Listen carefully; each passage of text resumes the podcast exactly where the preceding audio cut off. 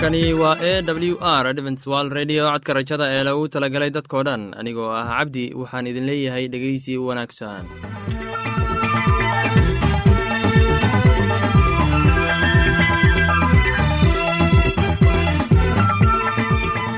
Barnaamijyadeena maanta waa laba qaybood. Qaybta koowaad waxaad ku maqli doontaan barnaamijka caafimaadka kadib waxaa inoo raaci doonaa cashar inaga imid bugga nolosha barnaamijyadeena maanta si wanaagsan u dhegeysan doontaan haddii aad qabto wax su'aal ama tala. Iyo tusaale fadlan inala soo xiriir dib ayaynu kaga sheegi doonaa ciwaankayagu balse intaynan u guudagelin barnaamijyadeena xiisaa leh waxaad marka hore ku soo dhowaataan. Heestan daabacsan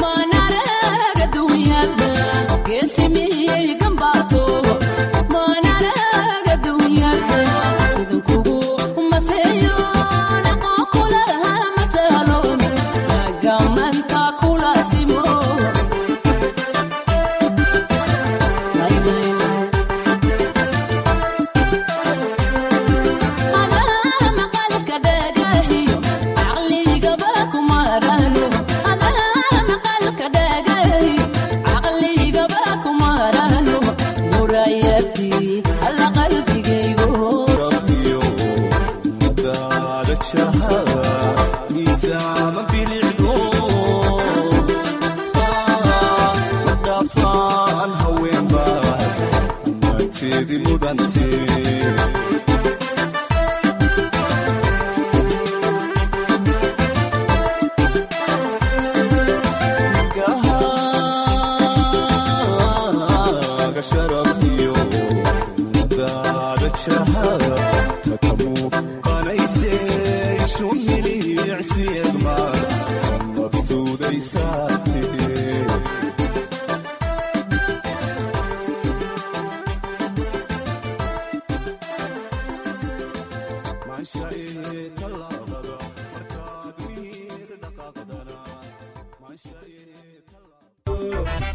filayaa inaad ka faa'iidaysateen heestaasi. Haddana waxaad ku soo dhawaataan barnaamijkeenna caafimaadka barnaamijkaasi oo ah barnaamij oo ka hadli doona caafimaadka guud ee qofka bini'aadanka ee dhegeysi isuuban dhibaatooyinka la xiriira nafaqadarida waxaa ka mid ah miisaanka qofka oo hoos u dhaca marka uusan abitaad lahayn kadib markii uu qaadan waayey nafaqadii loo baahnaa in uu qaato taana waxaa looga gudbi karaa in qofka bukaa la siiyo dhowr jeer maalintii lagu dhiirigeliyo in uu qaato cunto yaryar oo hadba in yar la siiyo. Waxaa kaloo ka mid ah dhibaatooyinka la xiriira nafaqadirada aneemiyada oo ay ugu wacan tahay marka aan la siin qofka bukaa cunto aan lahayn feero ama birta ama qofka oo malaariya ku dhacda ama uu ku jiro gooryaan jilaabeed ama gooryaano kuwa oo burburiya unugyada cascas ee dhiigga kale taana way keeni kartaa dhibaatooyinka la xiriira nafaqadarida waxaa kale oo keena cudurrada maqaarka ku dhaca oo ay ugu wacan tahay faytamiinada oo ka maqan cuntada waxay kaloo keentaa qofka oo koriinkiisa yaraada oo caafimaad wanaagsan aan helin iyo daal oo ugu wacan qofka oo aan helin cunto ku filan ama cunto aan nafaqo lahayn. Waxaa kale oo iyana ka mid ah qofka bukaa oo qaad cuna isagoo ku dhafra ama geershaynta oo kale taa midda ugu daran ayay tahay waayo qaadku wuxuu qofka ka xiraa abiteydka wuxuuna u horseedaa qofka buka in uu waxyaabo kale uu sameeyo. Haddaba waa in laga waaniyaa in uusan wax muqaadaraad ah isticmaalin ama uusan dhafrin waayo wuxuu jidhkiisa u baahan yahay in uu nasto oo uu qaato raashin nafaqo wanaagsan leh waxaad mararka qaar arkaysaa qof buka oo haddana aan innaba u tarin naftiisa isagoo isticmaalaya muqaadaraad cunto dheef lehna aan cunin. Qofka qaba h i v aidiska waxaa laga yaabaa in ay dhibayso cunto cunidda ama uu u baahan yahay in la siiyo cunto kala duwan oo uu ka heli karo nafaqooyin haddii qofka bukaa uu shubmayo si cunto jilicsan cunto la tumay oo aan u baahnayn calalis si uu si fudud ugu luqo waa in aad siisaa maalintii shan jeer cunto yaryar oo marba in la siiyaa. Sidoo kale waa in la siiyaa qofka bukaa cabitaan fara badan si uu jidhkiisa u helo dheecaankii ka baxay siba marka uu aad u shubmayo sida juuska oo kale.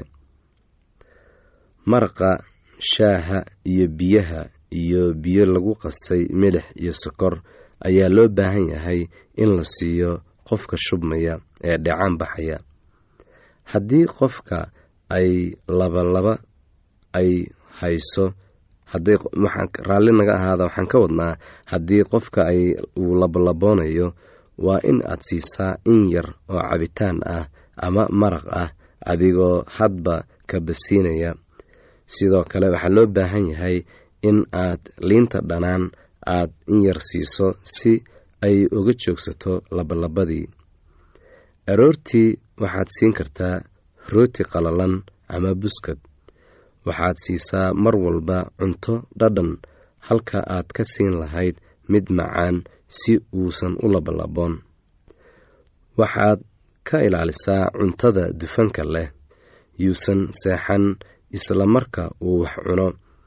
Waxaa kale oo loo baahan yahay in xasharaadka laga ilaaliyo guriga siba barambarada iyo duqsiga si uusan u labalaboon haddii uu afka yeesho barabaro waxaad siisaa qofka buka cunto jilicsan oo la tumay sii biyo liin ah ama waxyaabo kale oo cabitaan ah ama wax dhandhanaan. Ha siin cuntada sokorta leh ama caanaha sokorta ee aadka ugu badan tahay. Haddii uu afka xanuun yeesho ha siin qofka bukaa waxyaabaha kulul sida bisbaaska ama shaaha kulul. Kana ilaali cuntada adag ee u baahan in aad loo calaaliyo. Ka ilaali cuntada aadka u kulul laakiin ku fiiri inuu cuni karo cunto qabow in afka uu dareenka uu ka tago iyo in kale. Ka taxadir ilkaha iyo afkaba. Haddii uu qofka uu wax cuni waayo u bandhig xaaladdiisa caafimaad dhakhtarada ku shaqada leh lana kaasho iyaga sidii wax looga qaban lahaa xaaladdiisa caafimaad iyo sidii uu abitayd u heli lahaa. Haddiise aad guriga ku haysato adigoo hadba wax ku tijaabinaya waxay taa sababi kartaa in uu ka sii daro oo uu gaaro heer aan waxba laga qaban karin xaaladdiisa caafimaadka. Dhegeystayaasheenna qiimaha iyo qadarinta lahow waxaanu maanta intaa inoogu eeg barnaamijkii caafimaadka oo aan kaga hadlaynay nafaqaynta dadka qaba h i v iyo aidiska tan iyo kulintideenna dambe sidaa iyo nabadgelyo waxaan filayaa inaad ka faaidaysateen barnaamijkaasi. Haddaba haddii aad qabto wax su'aal ama talo iyo tusaale fadlan inala soo xiriir. Ciwaanka yagu waa codka rajada sanduuqa boosada afar laba laba todoba lix nairobi kenya. Mar labaad ciwaanka yagu waa codka rajada sanduuqa boosada afar laba laba todoba lix nairobi kenya. Imeilka yagu waa somali at a w r o r g mar labaad imeilka yagu waa somali at a w r o r g ama haddii aad inala soo xiriiri rabtaan barta emesonka ciwaanka yagu oo ah codka rajada at hotmail dot com. Mar labaad codka rajada at hotmail dot com. Ama barta internetka hoyga oo ah w w w dot codka rajada dot o r g waxaad ka akhrisan kartaan falasha meesha ku jiraan iyo wixii kaloo barnaamij oo aad u moodid in ay ku anfici karaan. Haddana waxaad ku soo dhowaataan heestan daabacsan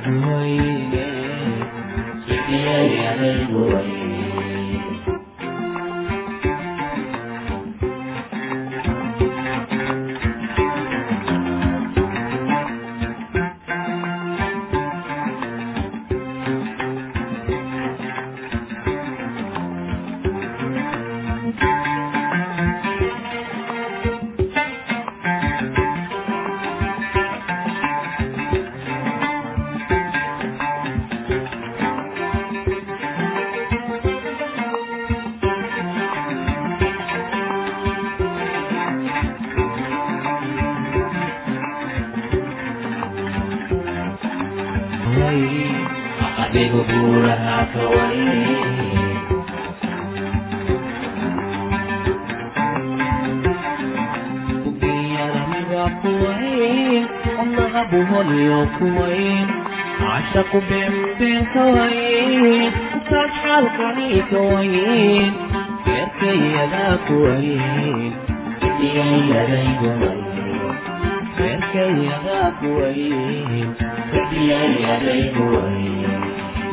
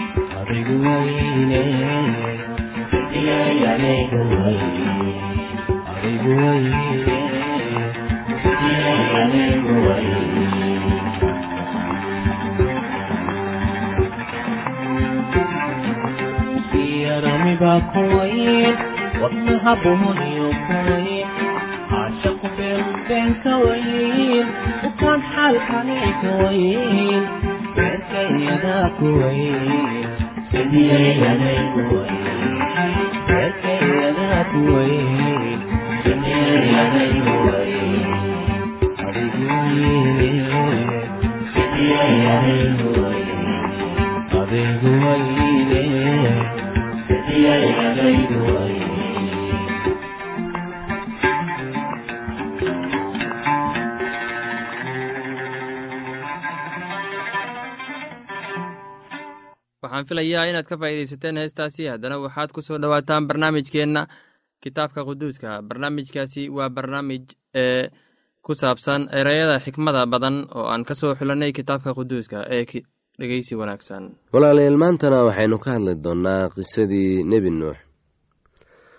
Waxayna noqotay markii ay bilaabatay in dadku ku bataan dhulka oo ay gabdho u dhashaan in wiilashii ilaah arkeen gabdhihii dadku inay wanaagsan yihiin oo ay guursadeen in allah intay doorteen oo dhan.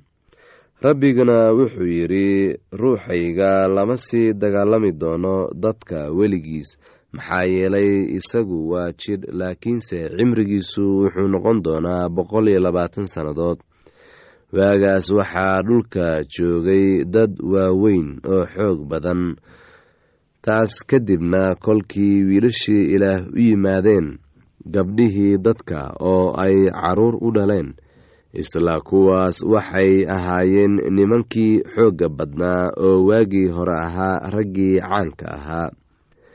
Rabbiguna wuxuu arkay in dadku sharkiisu ku badan yahay dhulka iyo in male kasta oo fikirada qalbigiisu ay shar keliya yihiin had iyo goorba. Rabbiguna wuxuu ka qoomameeyey samayntii uu dadka ku sameeyey dhulka wuuna calool xumaaday. Oo rabbiga wuxuu yidhi waxaana dhulka ka baabi'in doonaa dadka aan abuuray dadka iyo weliba dugaagga iyo waxa gurguurta iyo hadda hawada maxaa yeelay waan ka qoomamooday samayntii aan sameeyey iyaga laakiin rabbigu nuux raalli buu ka ahaa. Kuwanu waa farcankii nuux. Nuux wuxuu ahaa nin xaq ah oo ku eed la farcankiisii nuuxna ilaah buu la socon jiray oo nuux wuxuu dhalay saddex wiil oo ahaa sheem iyo xam iyo yafed dhulkuna wuu qaribnaa ilaah hortiisa. Dhulkana dulmi baa ka buuxsamay ilaahna wuxuu arkay dhulka oo bal eeg wuu qaribnaa. Waayo intii jir lahayd oo dhammo jidkooday ku qaribeen dhulka. Oo ilaah wuxuu nuux ku yidhi intii jir leh oo dhan dhammaadkoodii aan dhammayn lahaa ayaan gaaray waayo dhulkii waxaa ka buuxsamay dulmi iyaga ka yimid oo bal eeg iyagan dhulka la baabi'in doonaa. Dooni ka samayso qoryo gofer ah qoladana ka dhex samee doonida. Dumarna daamurna ka mari dusha iyo hoostaba. Waa inaad sideetan sida tan u samaysid iyada doonida dherarkeeda waxaad ka dhigtaa saddex boqol oo dhudhun. Ballaadhkeedana waxaad ka dhigtaa konton dhudhun. Sarajooggeedana waxaad ka dhigtaa soddon dhudhun. Waa inaad dariishadna u samaysid doonida oo waxaad ku dhammaysaa in dhudhun ah ilaa xaggeeda sare. Albaabka doonidana dhinaca ka samee dabaqad hoose iyo tu labaad iyo tu saddexaadna u samee iyada. Oo bal eeg anigu daad biyo ah baan ku soo dayn dhulka inaan baabi'iyo inta jidhka leh oo dhan oo neefta nolosha ku jirto. Inta samada ka hoosaysa wax kasta oo dhulka joogaaba way dhiman doonaan laakiin axdigayga adigan kula dhigan doonaa oo doonidan soo geli doontaan adiga iyo wiilashaada iyo naagtaada iyo naagaha wiilashaada ee kula jiraba. Oo wax kasta oo nool oo jir leh waa inaad cayn walba laba ka soo gelisaa doonida si ay kuula sii noolaadaan waana inay ahaadaan lab iyo dhadig haadda caynkooda iyo xoolaha caynkooda iyo wax kasta oo dhulka gurguurta caynkooda cayn walba laba ka mid ahi ha kuu soo galeen si ay u sii noolaadaan. Cuntada la cuno oo dhanna qaado oo kulligeed ururso oo waxay idiin noqon doontaa cunto adiga iyo iyagaba. Sidaasuu nuux sameeyey wax kasta sidii ilaah ugu amray buu u sameeyey. Oo rabbigu wuxuu nuux ku yidhi adiga iyo dadka gurigaagaba soo gala doonida waayo waxaan arkay adigoo qarnigan xaq ku ah hortayda xoolaha daahirka ah toddoba iyo toddoba ka qaad ku lab iyo dhedigiis xoolaha aan daahirka ahaynna laba ka qaad ku lab ah iyo dhedigiis haadda hawadana toddoba iyo toddoba ka qaad lab iyo dhedig si farcan ugu sii noolaado dhulka dushiisa oo dhan. Waayo waxaa weli haray toddoba maalmood dabadeedna afartan maalmood iyo afartan habeen ayaan roob ku soo dayn dhulka. Oo wax kasta oo nool oo aan sameeyey waan ka baaba-in doonaa dhulka dushiisa. Nuuxna wax kasta oo sidii rabbigu u amray ayuu sameeyey. Casharkaasi inaga yimid bugga nolosha ayaynu ku soo gogobeyneynaa barnaamijyadeena maanta. Halkaad inagala socotaan waa laanta afka soomaaliga ee codka rajada ee loogu talagalay dadkao dhan.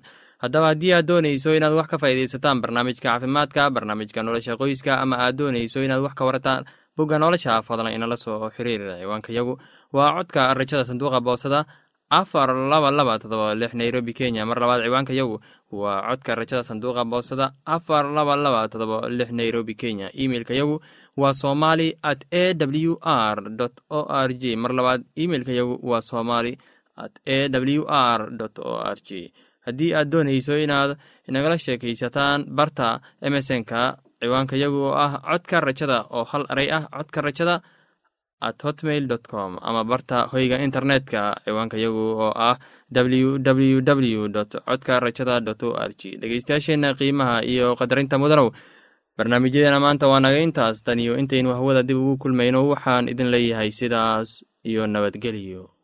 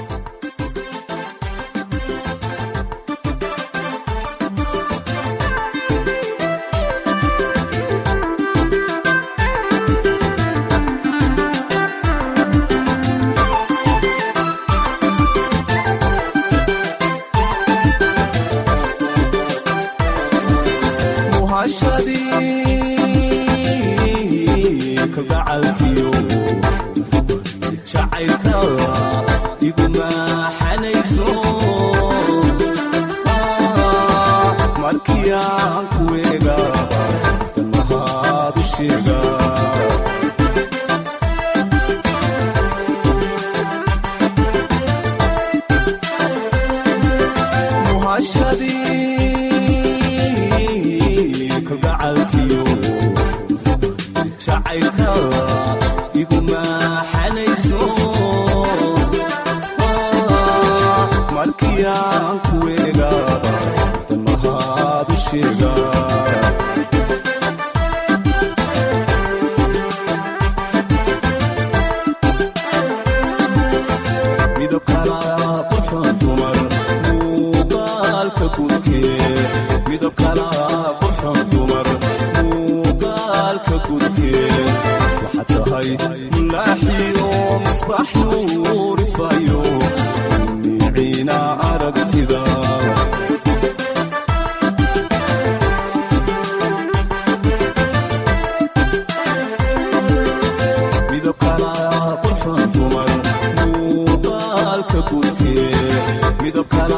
qurxoon dumar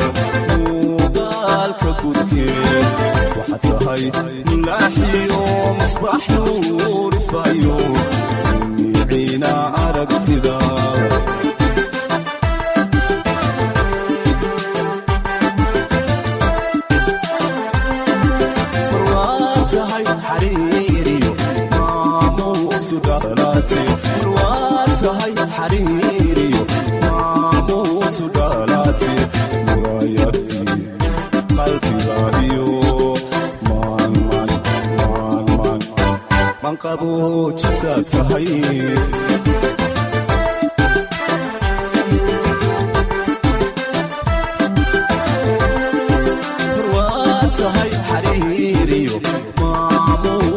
dhalaate marwaa tahay xariiriyo